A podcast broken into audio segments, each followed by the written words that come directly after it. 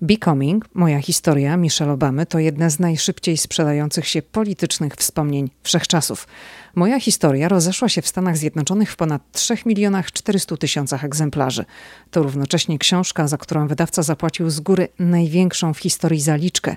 Nie wiadomo dokładnie na ile wyceniono wspomnienia Michelle, a na ile Baracka Obamy, które dopiero się ukażą. Wiadomo, że wydawca wyłożył w ciemno za obie autobiografie 65 milionów dolarów.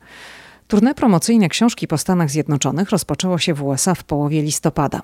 Początkowo Michelle Obama miała odwiedzić 12 amerykańskich miast.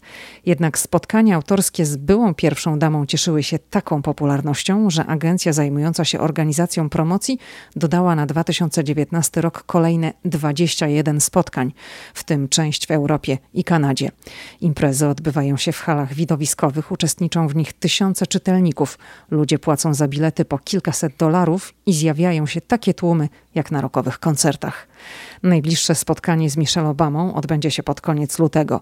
To zaplanowane w połowie lutego w Takomie w stanie Waszyngton przełożono na marzec z powodu zapowiadanej burzy śnieżnej.